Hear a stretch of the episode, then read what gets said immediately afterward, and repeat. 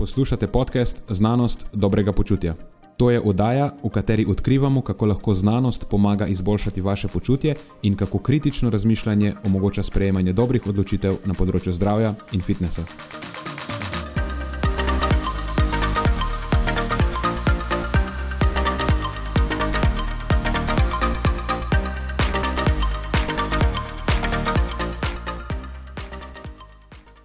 Preden začnemo, pa se moram zahvaliti še našim sponzorjem.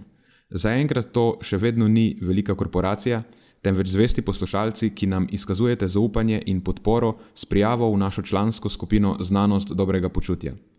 Hvala vsem, ki s tem držite luči prižgane in omogočate podkastu, da raste in postaja še bolj kakovosten. Hvala tudi vsem, ki nas podpirate s pozitivnimi komentarji in visokimi ocenami, ter s tem, da priporočate podcast svojim znancem in prijateljem. Zdaj pa je končno čas za začetek epizode. Uživajte ob poslušanju.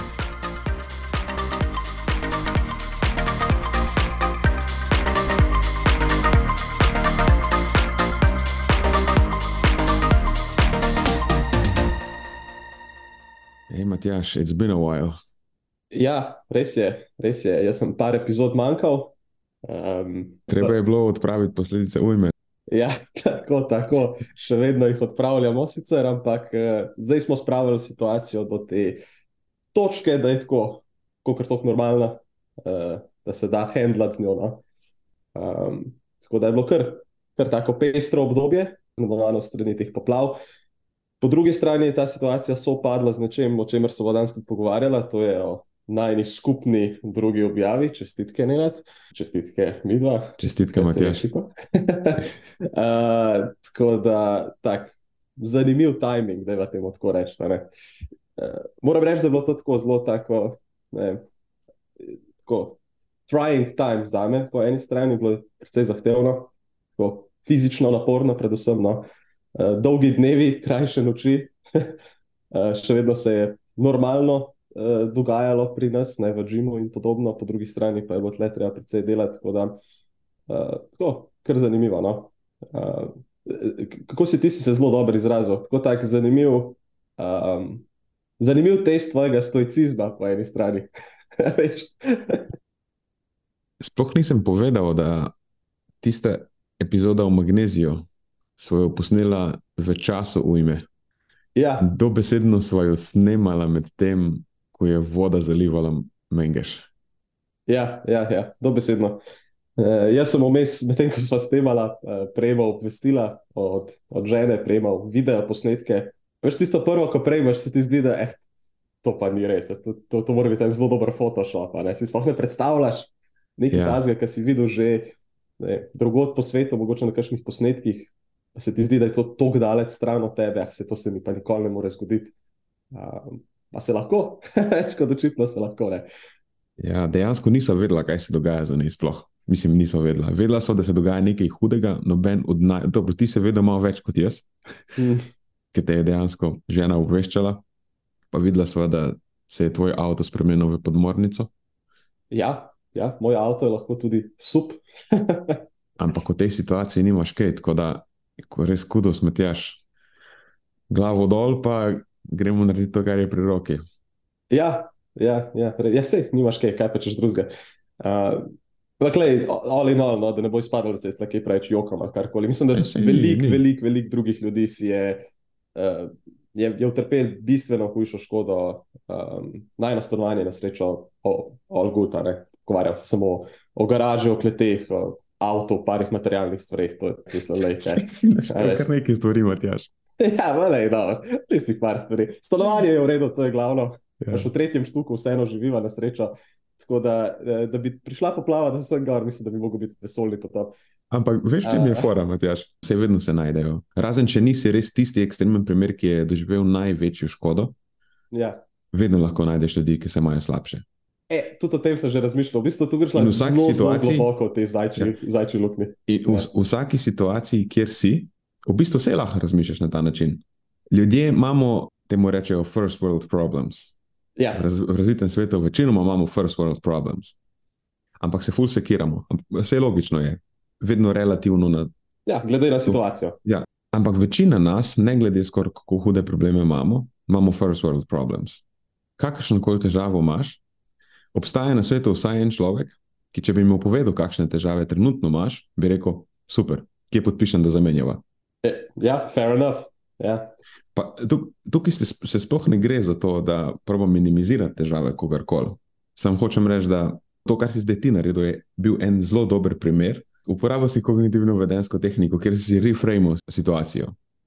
Ker situacija ja. je taka, ja. kot je, in tvoj odziv je tisti, ki bo v veliki meri odločil. In spet, ne gre za minimiziranje situacije, gre samo, kako na najbolj konstruktiven način priti skozi to situacijo. Uh mhm. -huh. Mislim, sem, da si dal dober zgled, no, to sem hotel reči. Ja, hvala lepa. Tudi takrat, ko smo snemali, je bilo, mislim, kaj pa če narediti zdaj. Itak, mislim, ne morem vode zdaj iti odnesti iz Menkša. Lahko sicer odpoveva snemanje, zato ker je meni full hudo, a pa spustnameva. Kaj, kaj bo zdaj boljše v tej situaciji? Ja, škaj, glede na to, da bi v vsakem primeru bil isti zid na moji lokaciji, smo vsaj ja. zaključili tisti dan za eno zelo hudo epizodo podcasta. Spomnil sem se zdaj na to, mhm, torej je ista strategija, druga situacija. Druga situacija, ki sem snemala z Anjo v videu. Mislim, tista, ta mhm. situacija je neprimerljivo manj stresna in katastrofalna kot recimo v tem primeru situacija v Ujmi. Se pa isti sistem aplicira. Ne? Tako. Snemala sem video o prehrani in PCOS. Uh -huh. Razvila se je zanimiva debata, nekje eno uro, in potem so na koncu ugotovila, da ni snimalo. Najprej sem mislila, da je posnelo samo 15 minut. In v taki situaciji, kaj češ narediti? Sej, imaš kaj. Noč, dogovoriš se za nov termin snemanja. Ja. In, ja. ja, jaz sem samo rekel, ok, redo, sej, kaj pa zdaj češ narediti? Kdaj imaš čas naslednji teden? Mislim, če je, če je problema, razumeš? Ja, ja let's, let's do it again. Se ni panike, te lahko znova posnamemo. Se Lena, ti imaš tudi v bistvu neki izkušnja, neki vaje s tem ponovnim snemanjem. Že od takrat, ko smo mi dva prvič. ja, ne posnela celo epizodo podcasta. Ja, na koncu, a veš kaj se, na koncu sem jim rekel, lej, pač pogledaj se za pozitivne plati. Še dobro, da se ti je z mano to zgodilo, ne s kom drugim.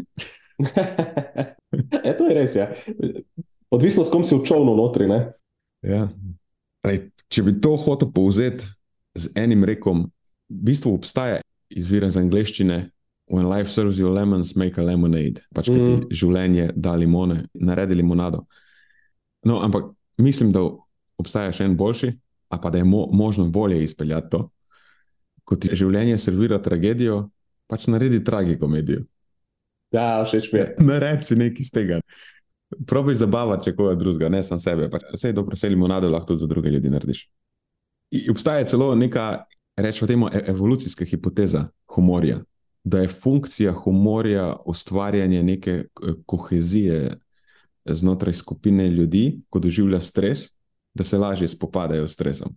Veš, nekako umili celo situacijo uh mhm. -huh. in reframe cel pogled, pogled cele skupine na stresno situacijo. Ker zanimivo je, kako se humor ponavadi uporablja. Humor je najbolj smešen, oziroma ne vem, če lahko rečemo najbolj smešen definitivno je tisti humor, ki se dotika najbolj inflamatornih situacij, dobi največ pozornosti. Zdaj, eni so lahko užaljeni, tudi to se zgodi, ampak mislim, da generalno lahko rečemo, da najbolj pritegne tisti humor, ki se dotika situacij, ki so na nek način problematične. Ja, definitivno. Mislim. Mi pri nas zelo pogosto uporabljamo, ali pa poskušamo uporabljati humor za to funkcijo. Mislim, absolutno, že tako v našem day-to-day lifeu, ne na zadnje, že tudi pri našem delu. In mogoče lahko s tem začneva. Za danes sem pripravil par zabavnih prispevkov. In če ne bi računal, da lahko z tega naredim trago komedijo, jih definitivno ne bi. Ne bi se s tem ukvarjal, če ne bi v tem videl načina, da lahko zabavam sebe in mogoče še koga drugega. Zdaj, vedno obstaja verjetnost, da bo kdo na ta račun užaljen. Ampak, če si užaljen zaradi poskusa humorja, zdaj lahko je slab humor. Dopuščam tudi to možnost. Ampak, če se večina ljudi, ki to vidi, ob tem zabava in si ti v manjšini, ki se počutiš užaljen, pa si najbrž ti problem in ne mm. humor. Ej, kaj praviš, ti si rekel? Če, če se zjutraj odpraviš na cesto, pa srečaš na cesti enega bedaka, velika verjetnost, da bi bil ta človek res tak. Če pa ti gre vsi na živce, so vsi bedaki, pa, pa ima večja verjetnost, da si ti zdaj bil ti. Res je dobro preizprašati o tem. Ker zdaj, če res nimaš full, ne vem, če sem dobrega, predobrega mnenja o sebi, potem je res velika verjetnost, da si ti problem. In sploh, recimo, ko gre za eh, izpodbijanje nekih nesmislov, obstaja ena reč, ki se ji reče Brandolinijev zakon. To je ena internetna skovanka, se mi zdi. Ni nek akademski termin, to, oziroma nek strokovni termin. O glavnem, pravi, da količina energije, ki je potrebna za izpodbijanje nesmisla, je za en velikostni razred večja kot energija, ki je potrebna za ustvarjanje tega nesmisla. Vsak, ki je racionalen, tega ne bi šel početi. Razen če ga motivira za to nekaj, rečemo temu posebnega. In humor je lahko ena taka stvar. Torej, imaš zdaj nesmisel, ki je mogoče lahko rečeš tragedija, ki ga probaš spremeniti v tragikomedijo. In jaz se vidim, da je to edini način, da se ukvarjaš z nesmisli. Ker da greš čist resno se ukvarja z nekaterimi stvarmi, sploh na področju prehrane, to bi bilo zelo depresivno. Mm. In to je pač cena, ki jo je treba sprejeti.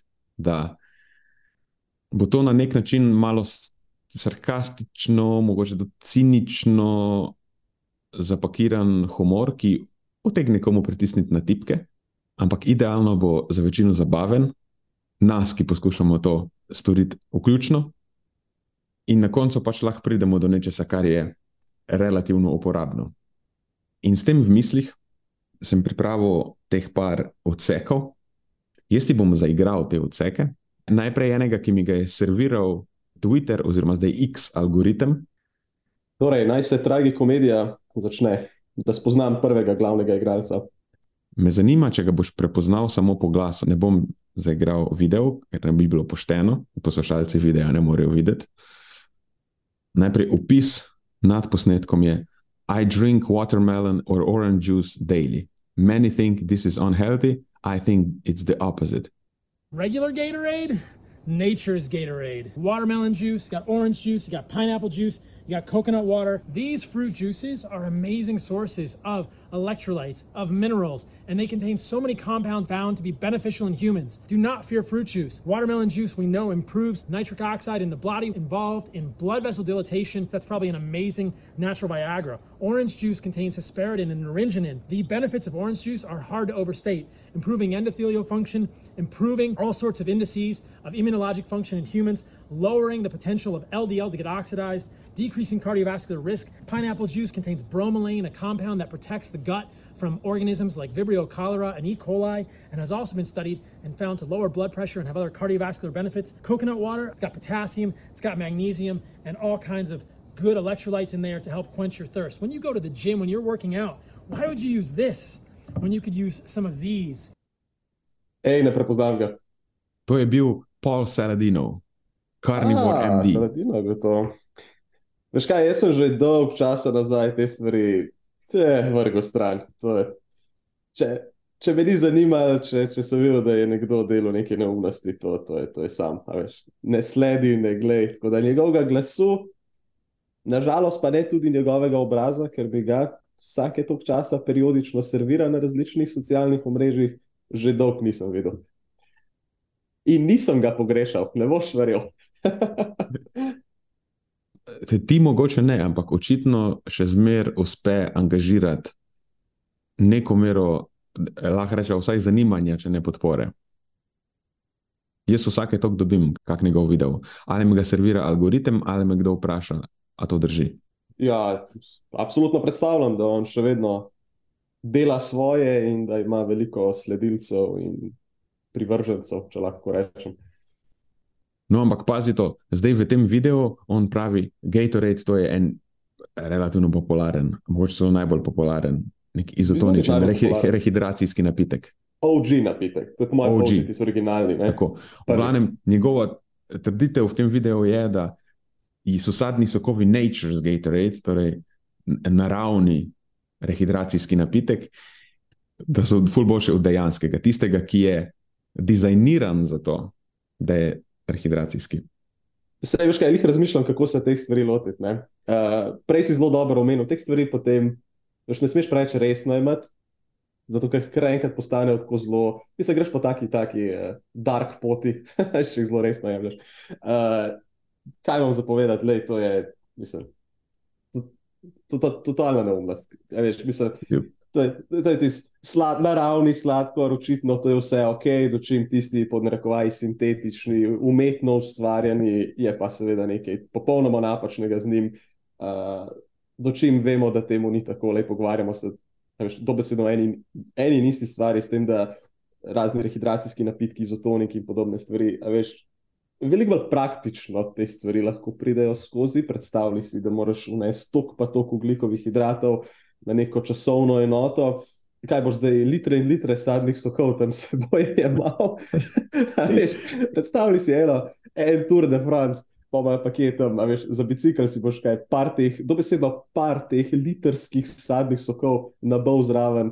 Uh, sočasno pa še vedno ne boš poskrbel recimo, za nek, da rečemo, idealni vnos specifičnih elektrolitov. Natrija zagotovo ne boš dovolj zaužil v teh primerih, ja. mislim, ni šans. Uh, razen če so dodajaš temu, zdaj najbrž pol saladino bi, bi tudi temu oporekal, ne, veš, sej, to je.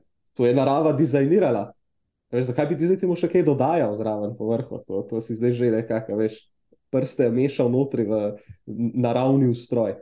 Tako da, mislim, bedarija totalna. Ne rečem, da ne moreš sadnih sokov uživati ali pa da jih ne, neke oblike vadbe ne moreš dodajati. Recimo, da ne, potrebe po hidratih med treningom že spet niso tako zelo visoke, pa bi neki ugljikovih hidratov vsem prišlo prav, pa malo dvigant energijski vnos posameznika v teh primerih, ampak lej, per se samo po sebi to definitivno ni boljša alternativa. In v velikih primerih precej, precej slabša alternativa. Sadni sok pač ni naravni izotonik. Ja, sadni sok pač ni naravni. Čist, čist drugačno smolalnost ima, praktično nič natrija, ki je praktično edini relevanten elektrolit, kot se reče v takem napitku. Uh, Bolj od vsega se je zdelo neverjetno. Model najprej napiše knjigo o karnivor dieti, uh mhm. -huh. zdaj je pa najbolj na svetu navdušen nad zadnjimi sokovi. Odbija se iz enega ekstrema v drugega, niti na eni strani, niti na drugi strani, pa nikjer vmes ne uspe zadeti tarče. Ja, dejansko se skozi odbija iz leve na desno stran. In nikjer ne najde Ampak sočasno pa veš, kako vehementno vsakič zagovarja svoje točke. A veš, kako prepričanje v svoj prav. In kako prepričanje v svoj prav, da prepričuje druge, da delajo isto. A si predstavljaš? In, in kar nekaj, neko trivijo našteva vmes. Ja, ja, ja. Uh, sadni, ta sadni sok vsebuje ja, narangenin, ki je povezan s tem in s tem. A tako čisto pozabo je model, pa to, je, to so neke povezave iz in vitro raziskav, ki niso absolutno nerelevantne. Tudi odmerki v teh sokovih, teh snovi so tako marginalni, da zdaj veš, ne boš ciljno šel pit ja, ja, pomarančnega soka zaradi tega. Razumeš, ne, ne boš reduciral vsega, kar delaš na, ja. na neke spojine v teh sokovih, ker je to v vsakem praktičnem pogledu nerelevantno. Ja, pa ogromnega konteksta spet manjka. Veš, rečeš, ne vem, koliko so sok vsebuje kali. Ja, so what, mislim, se vsebuje ga še številne druge stvari, ne pomeni, da ti sploh kalija primankuje, po drugi strani itd. itd. A veš, kako je zdaj to sploh pomembno? Bi lahko vsako živilo bi lahko vzel, a veš pa rekel, le vsebuje to pa to in to je povezano s tem pa s tem. To je never ending story. Polenga konteksta tukaj manjka. Zakaj je to pomembno? V kakšnem kontekstu je to pomembno? Kaj zdaj moram topiti, je to izključno edino, edini vir tega hranila v naši prehrani. Jaz to moram zdaj to dodajati notri. Če ne bi poznal Saladina, bi po preletu njegovega profila pa teh videov bil prepričan, da je to parody account. Tako da to dela namenoma, da trola ljudi. Ja, hlej, v končni fazi res ne veš, ne. Mogoče pa načrtno lovi neke klike in dejte. Si se prepričal, da je pol res. Mislim, klike tok, definitivno lovi. Ja, to je. Verjetno ni, nima v prvem planu trolanja. Ne verjamem, da je on tok. Uh, tako prefrigan, da, da, da, je, da je res to troll account. Da greva zdaj k naslednjem. Tega sem dobil v inbox, ker so bili ljudje zaskrbljeni. Opis nad videom je spinach, oats, almond butter, seed oils. These, v narekovaju, healthy foods contain compounds that have been shown to worsen joint pain and, Čak, ne, and, and arthritis. Okay? da je v glavnem, konča se z will kill you ali pa will harm you ali pa ne vem kaj. Ne, tri pice so zdaj na koncu in pol, pazi to, piše see the research below in puščica dol na video in video gre tako. Are these healthy foods worsening your joint pain? All of these foods contain compounds that are clearly linked to worsening of arthritis, joint pain, and damage to your joints. If you can't do movements like a deep squat, your joints probably aren't as healthy as they should be. Spinach and almond butter contain oxalates. Those oxalates can also deposit in your soft tissues and in your joints, causing pain and arthritis. Oats contain all sorts of problematic compounds for humans, and oats contain phytic acid, a large molecule that chelates minerals like magnesium, zinc, and iron, all of which are critical for proper and healthy joints. The real bad guy are seed oils. The breakdown products of seed oils connected with linoleic acid are clearly linked to inflammatory arthropathies like rheumatoid arthritis. And if you're eating any of these foods, you probably want to remove them from your diet. Are these healthy? Uf. Najbolj smešno je bilo seed research, bilo kakšen research model. Nisi, nisi nobenega relevantnega researcha pokazal. Ej, Nenad, sam po poslušanju tega so me začeli boleti sklepi. Uh, Veste, ta, ž- vsa ta živila namreč vključujem na, na dnevni bazi v svojo prehrano. Mm, pa bi rekel, svoje sklepe kar v redu. No? Da je tukaj dejansko imam pri roki research. Se ono klasično hejta rastlinska olja. Seveda, to je popularno, to je zdaj in. Ampak zanimivo mi je, model je dejansko tako predrzen, da reče: see the research below in da raziskave dosledno povezujejo vnos linolne kisline z vnetnimi artropatijami. Clearly, lej, očitno, več kot očitno. Mo- Model, to si se zlagal, si se. Zlagal si se. Ker raziskave na zdravih ljudeh dosti jasno kažejo, da povečan vnos linolne, a pa tudi arahidonske v končni fazi kisline, ne poveča gnetja. Če že kaj poje nasprotno, ker imaš par epidemioloških raziskav, ki kažejo, da, da vnos linolne kisline sploh je prej povezan z manjšanimi koncentracijami kazalcev vnetja.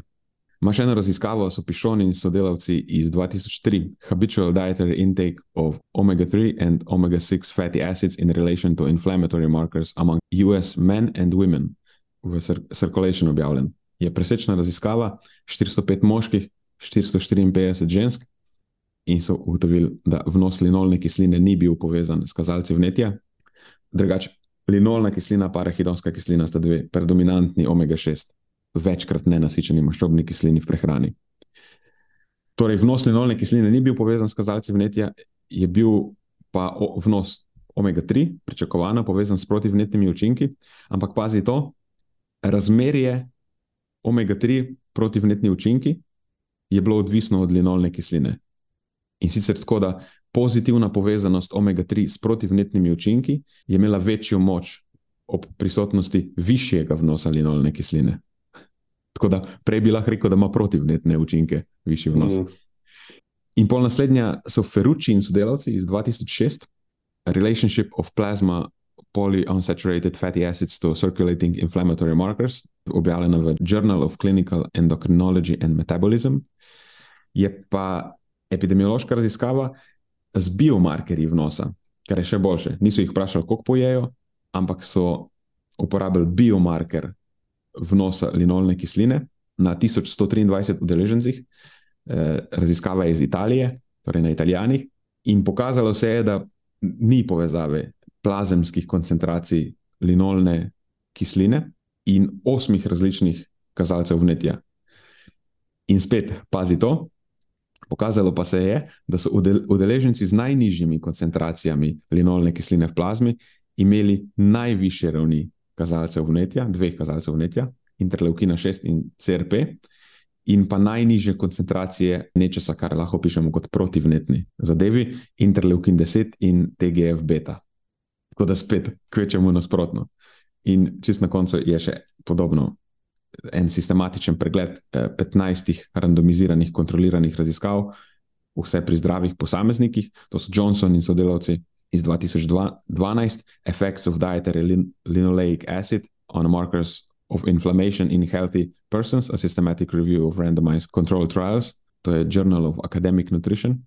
Spet, niso našli povezave med, med vnosom linolne kisline in katerim koli od najrelevantnejših kazalcev vnetja. To je ta consistent shows, kao dosledno kaže. Edino, kar bi lahko najdel, je, obstaja sicer par raziskav, ki nakazujejo, da bi lahko vnos arahidonske kisline uh, inhibiral, rečemo temu, protivnetne in eh, vnetje razrešujoče, to so inflammation resolving, je po angliško, ne vem, kako je slovenski prevod. V glavnem, protivnetne in vnetje razrešujoče učinke omega-3 maščobnih kislin, ampak tudi če to drži, arahidonska kislina je predominantna omega-6 v živilih živalskega izvora, ne v rastlinskih oljih. Tam praktično ni arahidonske kisline. Edini eh, signifikanten neživalski vir arahidonske kisline so morske alge. Tako da, če že kaj pol, tudi na, tem, tudi na tej točki je smiselno, bi bilo svetovati, če bi že hotel narediti ta case, bi bilo smiselno svetovati znižen vnos živalskih maščob, kar bi bilo itak povsem v skladu z obstoječimi priporočili, ne, ki pač v osnovi ciljajo na znižanje nasičenih maščob v prehrani, ampak lej, mogoče tudi preprečevanje prekomernega vnosa arahidonske kisline bi lahko bil nek sekundaren ugoden učinek. Uh -huh. No, in tako pravi tudi en novejši pregledni članek, kjer je zraven podpisan Filip Calder, ki je neke sorte top G. Uh -huh. Big dog. Ki, ki je neke sorte top G na tem področju, pomeni na področju večkrat nenasičenih maščobnih kislin in njihovih vplivov na zdravje. Drugač, avtorja sta dva, Jacqueline Innes in Philip Calder iz 2018, naslov je pa Omega-6 Fatty Acids and Inflammation. Eh, revija je pa prosta glandini, leukotrijeni in esencialne maščobne kisline. No, v glavnem, sicer je sam pregledni članek, ampak vse. Mislim, avtor je Philip Calder. Po mojem je, tak, pre, moje je tak pregledni članek več vreden kot meta-analiza. ne, malo se šalim, ampak malo pa tudi ne. Če greš kdaj pregledni članek, brat, pa ga greš v primeru, ko ga napiše nekdo, ki se dobesedno celo življenje ukvarja s tem področjem in za katerega se bo večina strinjala, da je v bistvu skoraj pomagal vzpostaviti to področje. V glavnem, njun zaključek je tak, če citiram. Kljub zakoreninjenemu prepričanju o nasprotnem, dokazi kažejo, da visok vnos in visoke plazemske koncentracije linolne kisline, poglavitne omega-6 maščobne kisline v prehrani, ne vplivajo na povečanje koncentracij kazalcev vnetja pri ljudeh. Pika. Tako da ne vem, kje je pol najdel, consistently shows. Ne vem, po mojem, še sam ne vem, kaj, ti, uh, kaj si rekel, da piše v captionu. Uh, si da research, si da research ja. bilo. In uh, teh raziskav, seveda, ni bilo, črčki na mesto raziskav. Ja. Ja. Uh, ne, veš, kaj nimam videa pred seboj, ampak si predstavljam, da dejansko ni na lepo nobene raziskave, ker je tudi najbrž ne bi mogel. ja, mislim, da tukaj nimamo več kaj dodati. In potem imam še dva, ki kažeta, da se je Pavel očitno začel tudi z kozmetiko ukvarjati v zadnjem času. Ja, seveda, naraven prehod, ne? Ne veš, ja. iz karnivor na sokove, na kozmetiko. On ima tudi nek čuden odnos do sonca. Ah, ok. Ja, čim več ja. sonca, tem boljše sončne uh mhm. -huh. kreme, bog ne dej. Ja, ja, ja. A, je, a, a zaide tako daleč tudi v tisto področje izpostavljanja specifičnih delov telesa soncu z namenom. Ej, lej, to, to ne vem, ampak. To ne vem, ampak v tem videu caption je: This is how I make my homemade tallow-based sunscreen. In gre tako. This is animal based sunscreen. 100 million, billion, zillion times better than traditional sunscreens or other, quote, healthy sunscreens, which are full of seed oils and all kinds of carcinogenic garbage. In this video, I'm going to show you how to make this. This is so healthy you could even eat it. Pretty good. Let's go, I'm gonna show you. This is all it takes to make your own animal-based sunscreen. So this is an improvised double boiler, just an inch of water in there that I'm gonna boil, two tablespoons of beeswax, half cup coconut oil, and half cup of tallow. Melt these, mix them together, and then I'm gonna add the zinc. Removed it from the heat, stir this for a couple minutes, let it cool. When it starts to get a little more mushy, use a hand mixture and whip air into it to give it more of a texture. The end product is a completely natural, highly effective, easily spreadable sunscreen that goes on your skin and will last for a very long time. This homemade animal-based sunscreen is so much better than traditional sunscreens. This is your answer. Get that bullshit out of your life and start using a really good quality sunscreen. Get that bullshit out of your life. Model je sončno kremo naredil v kuhinji, zavrel je par stvari skupaj in pa je s kuhinjskim mikserjem zmiksal. Čakaj, kaj ima prva sestavina? To sem vidim zgrešil. Vedel sem, da bo kokosovo olje, to je bilo, to je bilo itak garant. Kaj, kaj ima prva sestavina? Ne vem, nek goveji loj ali neki tasga. Pazi, ej, predstavljaj si ta dva miselna procesa. Imaš neke tam, razumeš, kemike, ki razmišljajo, hm, moramo narediti učinkovito sončno kremo s cinkovim oksidom. rabi imeti zadostno mazljivost, potrebno bo preprečiti sprejemanje. Najboljše, če naredimo zadevo znano delci, industrijsko jo bomo homogenizirali, a veš, treba je zagotavljati, da je nanos primeren. In pol, valjda moramo jo tudi testirati, da se preveri, če je primerna razporeditev delcev tega nanocinkovega uh, oksida, tako malo absorbanca, SPF, a veš, in potem lahko naknadno lahko zadevo še spremenimo, pa jo optimiziramo, da bo izdelek res zagotavljal optimalno zaščito. In na drugi strani, saladino, pazi to. Našel sem recept za sončno kremo na neki poljubni do-it-yourself spletni strani, ni nano, ni homogenizirana, demo ker stres sestavine v eno skledo, zavret vse skupaj v kuhinji in uporabiti kuhinjski mešalnik. Ne rabiš testirati niti razporeditve, niti absorbance, SPF, nič od tega. Nič od tega ni treba preveriti, ni dodatno prilagajati, kakšno testiranje. Itak sam streseš vse noter v skledo od oka in itak bo vsakič drugačna, ko jo boš delal. Tako da sam dej vse skupaj, zavreš, zmiksaš in valjda bo to po, potem, kako pravi, a zillion, million times better. Mm, veliko številke je bilo v igri. Ne vem, koliko nul bi temu pripisal, ampak bilo jih je veliko. Ja, Zillion, billion. Itak mora biti boljša od vseh tistih industrijskih, eh, visokotehnoloških skrpucal.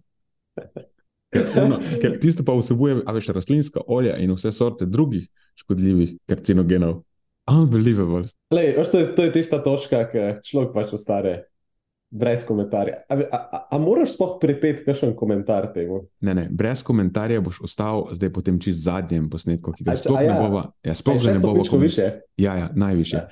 Sploh ga ne bova komentirala dodatno, ker ne potrebuje nobenega komentarja. Caption pravi: Eggs is better than shampoo. Eggs are the best shampoo. You guys might think I'm crazy, but check this out. Eggs Don't try to contain razbija jajca na glavo. nutrients in the Yeah. white and the yolk that are proven in research studies to penetrate the scalp and nourish the hair follicle. Things like zinc, taurine, carnitine, vitamin B12, branched chain amino acids are found in egg yolks and whites. They all benefit your hair follicles when you rub them into your scalp like this. And you know what's awesome about egg yolks?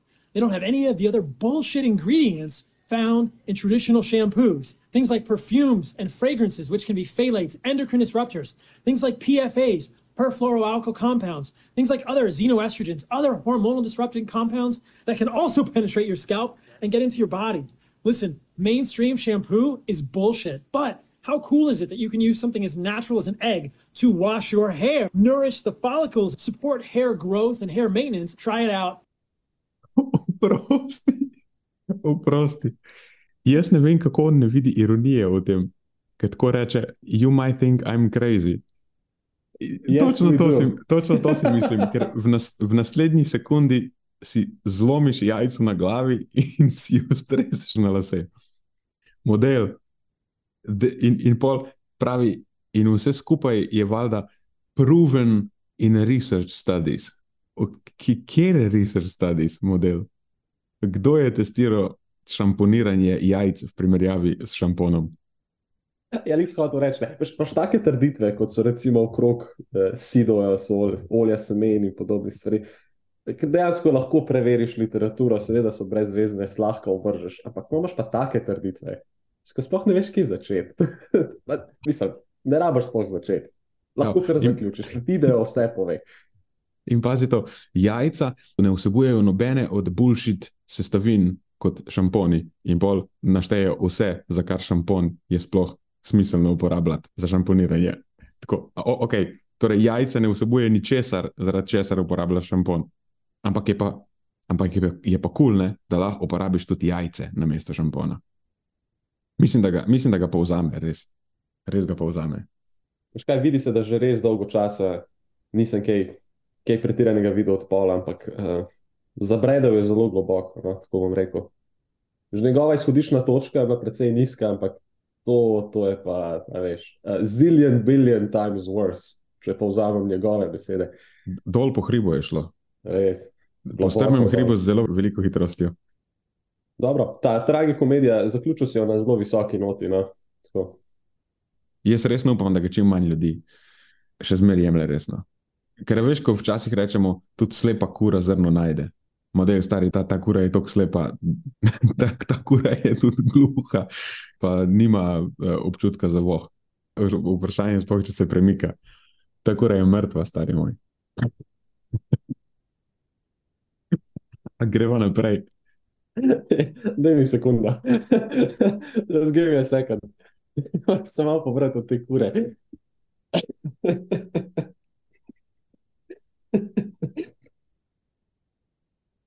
Ok, deva. Za konec imamo še eno resno stvar. Končno nam je uspelo spraviti skozi ta glaven članek, bi rekel, da je to ta glaven članek.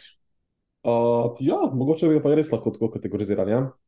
Uh, še eno vrsti raziskav, oziroma podatkov, ki smo jih pridobili na klubu, uh, na nogometnem klubu, ki je prvoligaški nogometni klub. Uh, ja, res, res bi ga lahko kategorizirali kot glavni članek. Sicer imamo še precej enih drugih zanimivih podatkov in jih bomo tudi plasirali uh, v nadaljem obdobju. Upam, da ne bo spet sopadlo s kakšno naravno katastrofo, ker opravljati ta peer review proces. Uh, Sočasno pa, če veš, čistiti svojo klet, pa garažo. Mogoče mm, niste bili najboljši kombinaciji na tem svetu, ne bi tega ponavljal. Uh, Bog ne daj. Bog ne daj, tako. Uh, ja, res je. Uh, uspela sva še eno raziskavo objaviti, uh, mi dva in pa seveda naj mentor, dr. Knap. Uh, naslovljen je pa članek The Effects of Nitrate Supplementation on Performance as a Function of Habitual Dietary Intake of Nitrates, a randomized controlled trial of elite football players. In čestitke, Nenad, tudi mi dva smo objavila članek, ki je mouthful, ki je zelo dolg, poln enih zanimivih besed, ki jih je težko izgovoriti. Lej, treba je slediti te tradiciji. Tako, tako, seveda, absolutno. Uh, kaj malo nasplošno poveva o članku, uh, te ključne ugotovitve in podobno? Se, se, ni nekaj pretresljivega, po mojem, lahko hitro povzamemo. Ne, po mojem, da je ja, tako. tako, tako. Uh, skratka, mogoče če naredim en tak zelo, zelo grob povzetek vsega skupaj. Uh, kar smo testirali v bistvu, oziroma kar nas je zanimalo v tem primeru, je bilo, kako bi, ali pa kakšen je tisti izhodiščni vnos nitratov iz prehrane kot take, ki bi zadostoval, da bi imel ta ergogeni učinek, torej da bi imel koristen vpliv na telesno zmogljivost, brez da bi posameznik rabil uh, potem povrhu tega dodajati nitrate kot prehransko dopolnilo. Zdaj, če dam še korak nazaj, ne, o nitratih smo se že parkrat pogovarjali na tem podkastu, ampak če mogoče mm -hmm. povzetek le tega, to je uh, ena skupina dušičnih spojin, ki potem, ko jih zaužijemo iz prehrane v obliki predvsem listnate in korenaste zelenjave, ali pa v obliki dopolnil, ki so najpogosteje nek koncentrat soka rdeče pesa ali kaj podobnega. Uh, se pretvorijo v en plin, imenovan dušikov oksid, ki je zelo močan vazodilatator. To pomeni, da um, sprosti to gladko mišičevje okoli sten naših žil, premer žil se poveča, pretok krvi po telesu se izboljša. To ima nekaj koristi že na naslovu srčno-žilnega zdravja, predvsem v kontekstu recimo ravnavanja ali pa nižanja krvnega tlaka. Uh, ampak v primeru športne zmogljivosti pa lahko pripomore le tej, predvsem v obliki izboljšanja vzdržljivosti in to pri športih, kjer smo najbolj intenzivno telesno dejavni, nekje v časovnem območju, približno tam nekih 12 do 16 minut, tako literatura trenutno kaže, ampak tudi izven teh okvirjev, vse nekje med 10 minut, pa tja do 40 minut, vse tukaj tudi vidimo koristi, pa celo preko tega, tudi za kakšne daljše vzdržljivostne preizkušnje, kakšne kolesarske ali pa, ali pa tekaške preizkušnje uh, in podobno. Uh, lahko bi se zdaj tudi pogovarjali o tem, kako vpliv imajo nitrati vezano na status treniranosti posameznika, tudi to je nek pomemben implikator, ampak mogoče za ta trenutek lahko to spustimo. Torej, Vzeli smo to skupino nogometašov, vrhunskih nogometašov, prvo ligašov naših, in jih dvakrat potestirali na tem tako imenovanem Cooper testu, torej na tekalni stezi so 12 minut tekli, sami so si uravnavali stopnjo hitrosti, in cilj je bil, da pretečejo čim daljšo razdaljo v teh 12 minutah. Zdaj pa, enkrat so pred to preizkušnjo vzeli dopolnilo nitratov, dočim drugič so vzeli placebo. Uh, ta placebo, če smo že pri tem, uh, ta, um, ta firma, to podjetje, no, ki pripravlja te izdelke, uh, je tudi povezano z nekaterimi, da jim rečem, bolj prominentnimi raziskovalci na tem področju. Andy Jones je eden izmed njih, mogoče bi ga lahko kategorizirala kot uh, kako si prej rekel, ne enat, uh, Big G, ne Filip Kolder na področju nasičenih maščob. Ja, tako. No, Andy Jones je pa recimo to ali pa ekvivalent tega na področju raziskav nitratov, pa mogoče še nekaterih drugih športno-prehranskih področji. Skratka, v sodelovanju z njim so razvili ne samo to dopolnilo nitratov, ki je baziran na koncentratu soka rdeče pes, ampak tudi uh, placebo napitek, ki je v bistvu identičen po, po, po pakiranju, po vonju, po okusu, po barvi, samo nitrati so vzeti stran. Jaz sem probil enega ta pravega, pa enega placebo. Res, res težko bi najdel razliko, sploh pa če vzameš, veš, v dvotedenskem um, zaporedju, ne, kot smo jih mi to storili, so enkrat naredili te nitrati, pa potem drugič brez ali obratno. Nisva ne jaz, ne Nenad, ne kdorkoli od nas raziskovalcev vedeli, kdo je kaj je imel. To je ta tako imenovana dvojno slepa raziskava, torej ne raziskovalci, ne sami uh, udeleženci raziskave pač niso vedeli, kaj jemljajo. Uh, In potem smo spremljali, kako daleč so pretekli razdaljo, in pa vsakeč smo tudi s pomočjo prehranskih dnevnikov preverili njihovo prehrano in predvsem njihov vnos nitratov iz prehrane, nas je zanimal. In potem smo seveda dobili, mogoče prvi rezultat, ki ga lahko tle omeniva, je, jaz sem bil, pa da je reč, nekoliko presenečen nad tem in sicer kako koristen vpliv so že sami nitrati sami po sebi imeli na telesno zmogljivost športnikov, sicer je bilo precej in-line ali pa skladno z do sedaj objavljeno literaturo. Torej, če se pravilno spomnim, mislim, da takrat, ko so nitrate vzeli, so pritekli slabih 150 metrov dlje, oziroma nek 5-procentni performance uh, increase, oziroma izboljšanje je bilo. Eh, je v pretečeni razdalji. Ja. Tako, tako. Spravi, ko so vzeli nitrate, so pretekli približno v povprečju 150 metrov dlje. Ampak to že vemo, to, to ni le kakšna ideja za to raziskavo. Imamo že kupico drugih, ki nakazujejo neke podobne rezultate. Uh, potem smo pa seveda to nekako preverili proti njihovemu izhodiščnemu vnosu nitratov iz prehrane, pa poskušali izpeljati nek vzorec ven iz tega. Predvidevali smo, da višji kot bo vnos nitratov iz prehrane, manj koristen bo dodatek dopolnila nitratov po vrhu tega, in obratno. Ne? Nekako to je bila neka ta osnovna predpostavka. Uh, zdaj, težko bi na podlagi tega našega vzorca potem podali neke zelo dokončnike, ne? ampak vsekakor pa je bil trend v tej smeri, da pač višji kot je bil vnos nitratov iz prehrane, nekako manj, več kot očitno manj nitratov bilo, bi, bi bilo potrebno po vrhu tega dodajati za koristen vpliv. Imeli smo težavo z relativno majhnim vzorcem, ja. tako da ni bilo zadosti posameznikov, ki bi imeli višji vnos nitratov od tiste meje, ki je bila postavljena 300 mg. Tako, ja, tako. Ja, 300 mg. Pri tem omejenem številu se je kazalo, da ni prišlo do izboljšanja. Mm, Ampak premalo, da bi se opravili neki robustni testi za to. Tako, tako. Um, ja, postavili smo to mejo 300 mg nitratov kot nek izhodiščni primerjalni vnos, zato ker to je tisti najnižji del razpona nitratov, ki se je v pretekli literaturi izkazal že kot koristen za izboljšanje zmogljivosti. Um, tako da, žal, nimamo zdaj še tako nekih zelo pretresljivih rezultatov, ki bi jih lahko mogoče tukaj zelo, zelo uh, izpostavili. Uh, problem je bil res predvsem v tem, da je bilo moje predvidevanje, pa seveda očitno napačno. Da bodo posamezniki na splošno že zaužili več nitratov iz svoje prehrane, ampak njihov vnos nitratov, če ga primerjamo vem, napram generalni populaciji, um, je bil recimo tam nekje na zgornjem delu tega razpona, ki ga običajno zasledimo, to je bilo tam okrog 165 mg na dan. Uh, ponovno, pretežno iz listnate korenaste zelenjave, ki so imeli recimo pri kosilu ali pa večerji v obliki kakšnih solat, zelenjav in podobno, nekaj malega v obliki kakšnih teh mesnih izdelkov, pa nekaj zelo malega v obliki vode, ki so jo popili. Uh, ampak ja, premalo, skoraj polovica premalo, da bi lahko naredili te neke dokončne rezultate. Uh, Uh, ena zanimiva stvar, ki smo jo tudi preverjali z Nenadom, uh, je bila ta Borgova skala. In sicer v nekaterih raziskavah v preteklosti je bilo opazno, da nitrati vplivajo tudi koristno na neko subjektivno dojemanje utrujenosti tekom vadbe, uh, kar smo mi preverjali preko te 20 točne Borgove skale. Ne vem, če sem se zdaj pravilno izrazil, ampak Gre se v bistvu samo za neko eh, merjenje subjektivne utrujenosti tekom vadbe. Na vsake tri minute, na vsako četrtino te 12-minutne preizkušnje smo enostavno vprašali posameznike, kje ste zdaj na tej lestvici od 6 do 20. 20 pomeni popolna izčrpanost, 6 je nekaj, kar sploh ne pride v poštev za take stvari. Tam nek, nek, nekaj prva izhodiščna točka je tam prok 9-10, to pomeni tako zelo la, lahek tek v tem primeru, neka blažja aktivnost, ki bi lahko zdržala po vsej verjetnosti večji del dneva. Uh, in uh, tukaj tudi nismo zasledili nekih signifikantnih razlik med posamezniki, spet malo je nakazovalo v to smer, ampak daleč, daleč premalo, da bi lahko rekli, da so nitrati kakorkoli bili tukaj.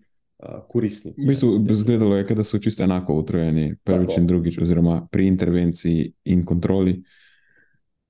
Tako da zaključek bi bil bolj, da bili so enako utrujeni, kljub temu, da so pretekli dlje. Ja. Ja. Zdaj pa izpeli ven iz tega, kar misliš. ja. uh, tako, to je mogoče nek tak grob, hiter povzetek. Jaz sem kaj tazga pomembnega tle spustil. Ne, kul je. Edino, zdi se mi, da bi bilo fajn še izpostaviti tisto, na kar si namignil že v uvodu, uh mhm. -huh. da je stvar verjetno odvisna od izhodiščne telesne pripravljenosti. Uh mhm. -huh. Ja, super, hvala. Nekdo, ki razmišlja o uporabi nitratov kot prehranskem dopolnilu za izboljšanje vzdržljivosti, zna biti, da je to posameznik, ki je relativno treniran. Ne bo nitratov dodajal en navaden rekreativc, najbrž.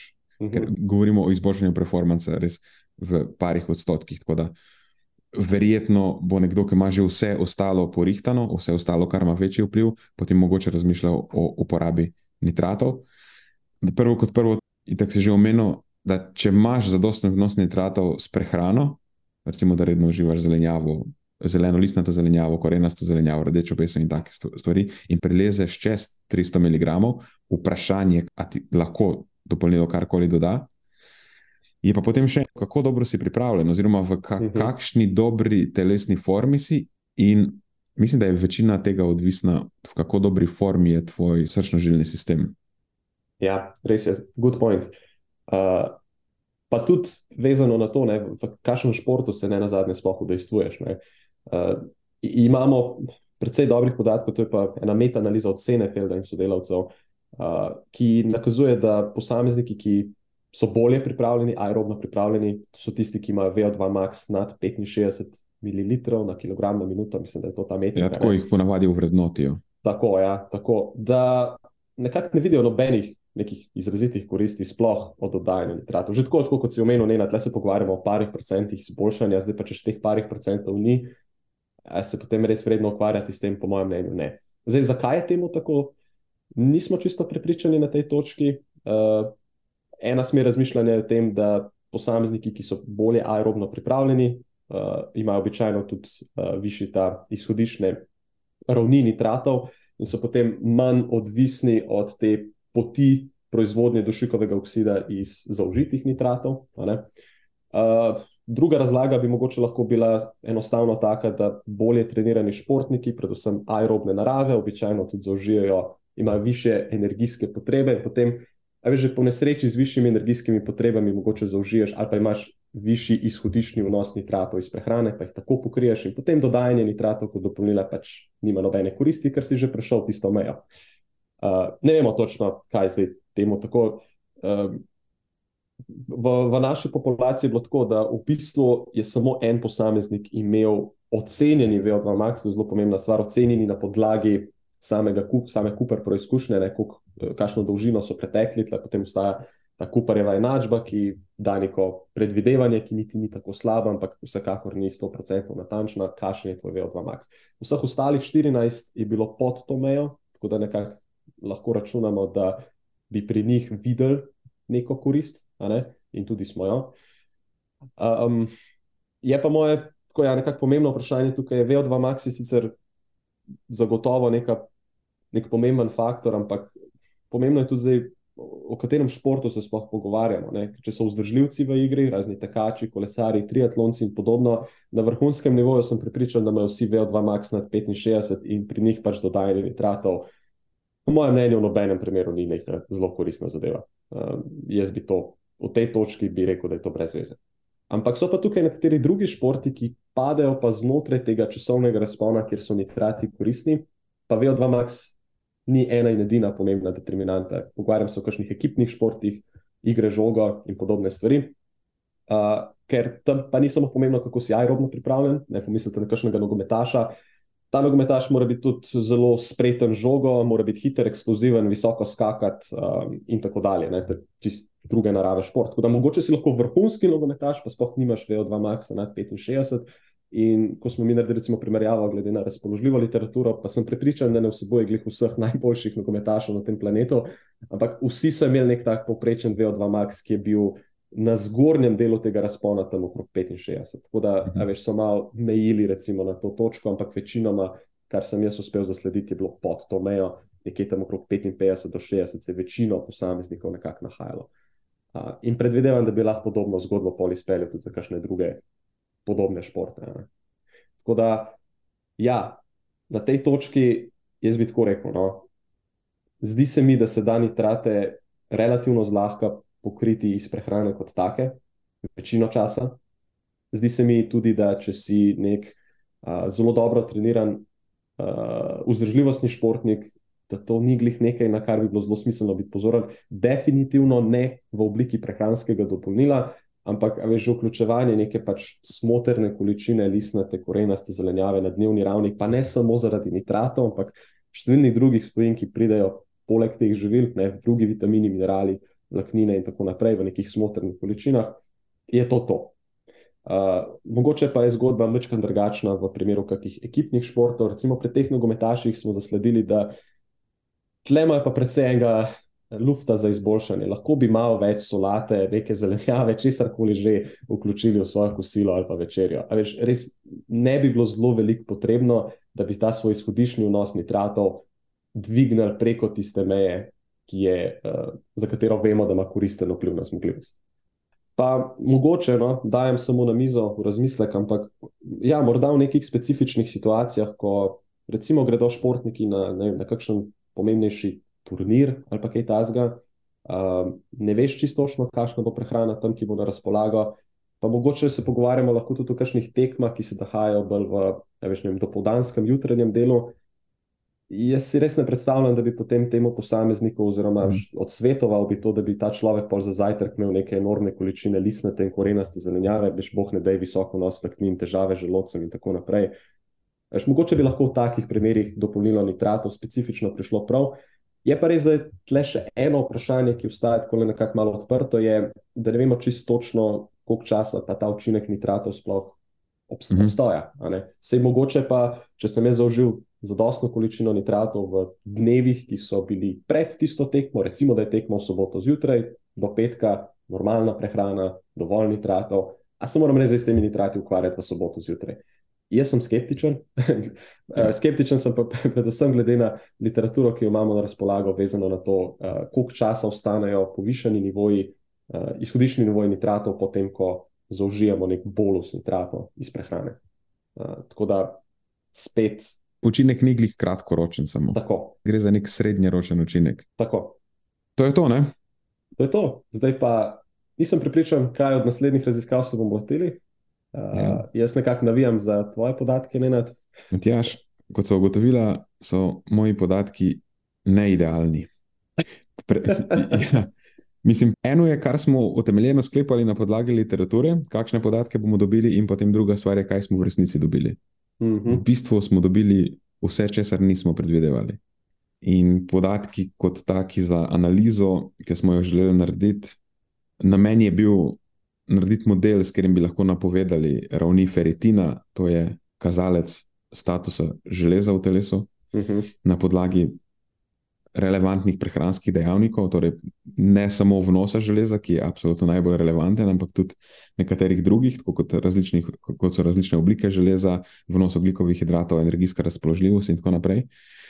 Ampak se je zgodilo, da smo dobili podatke, ki so preveč v bistvu rečemo temu, homogeni, manjka uh -huh. izpostavljenost. Veš, na podlagi literature bi pričakoval, da boš dobil ljudi z nizkim, z visokim vnosom železa, ja. z, z visokim, nizkim vnosom oglikovih hidratov, z, z različno energijsko razpoložljivostjo, ampak tukaj se pa je izkazalo, da vsi delajo isto.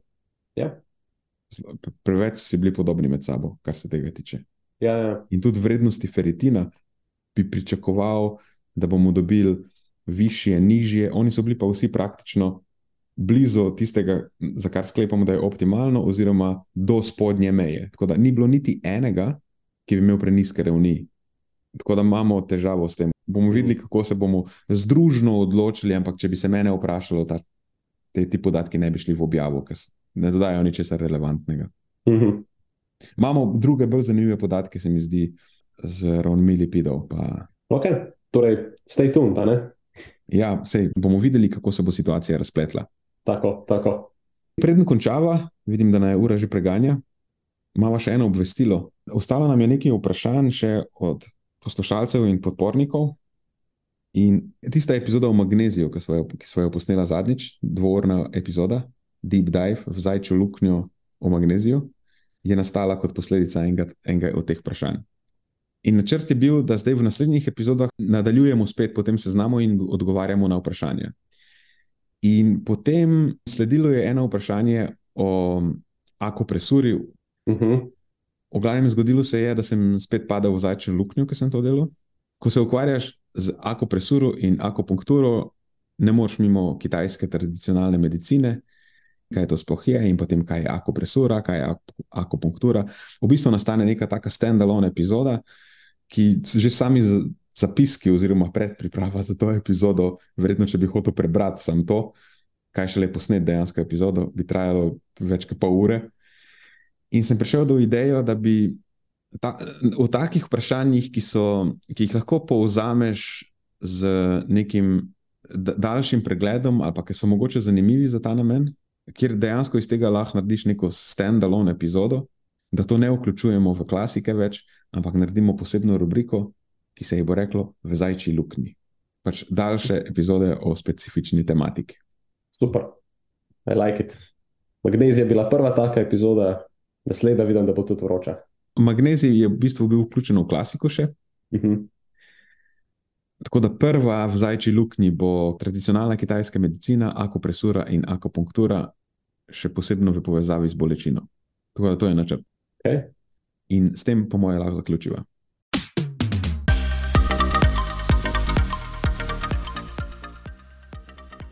To je za tokrat vse iz naše strani. Hvala, ker ste poslušali do konca. Delite epizodo s svojimi znanci in prijatelji in jo priporočajte dalje, saj s tem omogočite, da sporočilo znanost dobrega počutja doseže čim večjo množico. Hvala vsem, ki nas podpirate s članarino in tudi vsem ostalim, ki delite podcast dalje in nam izkazujete naklonjenost z visokimi ocenami in pozitivnimi komentarji. Se slišimo prihodnjič, do takrat pa ostanite premišljeni.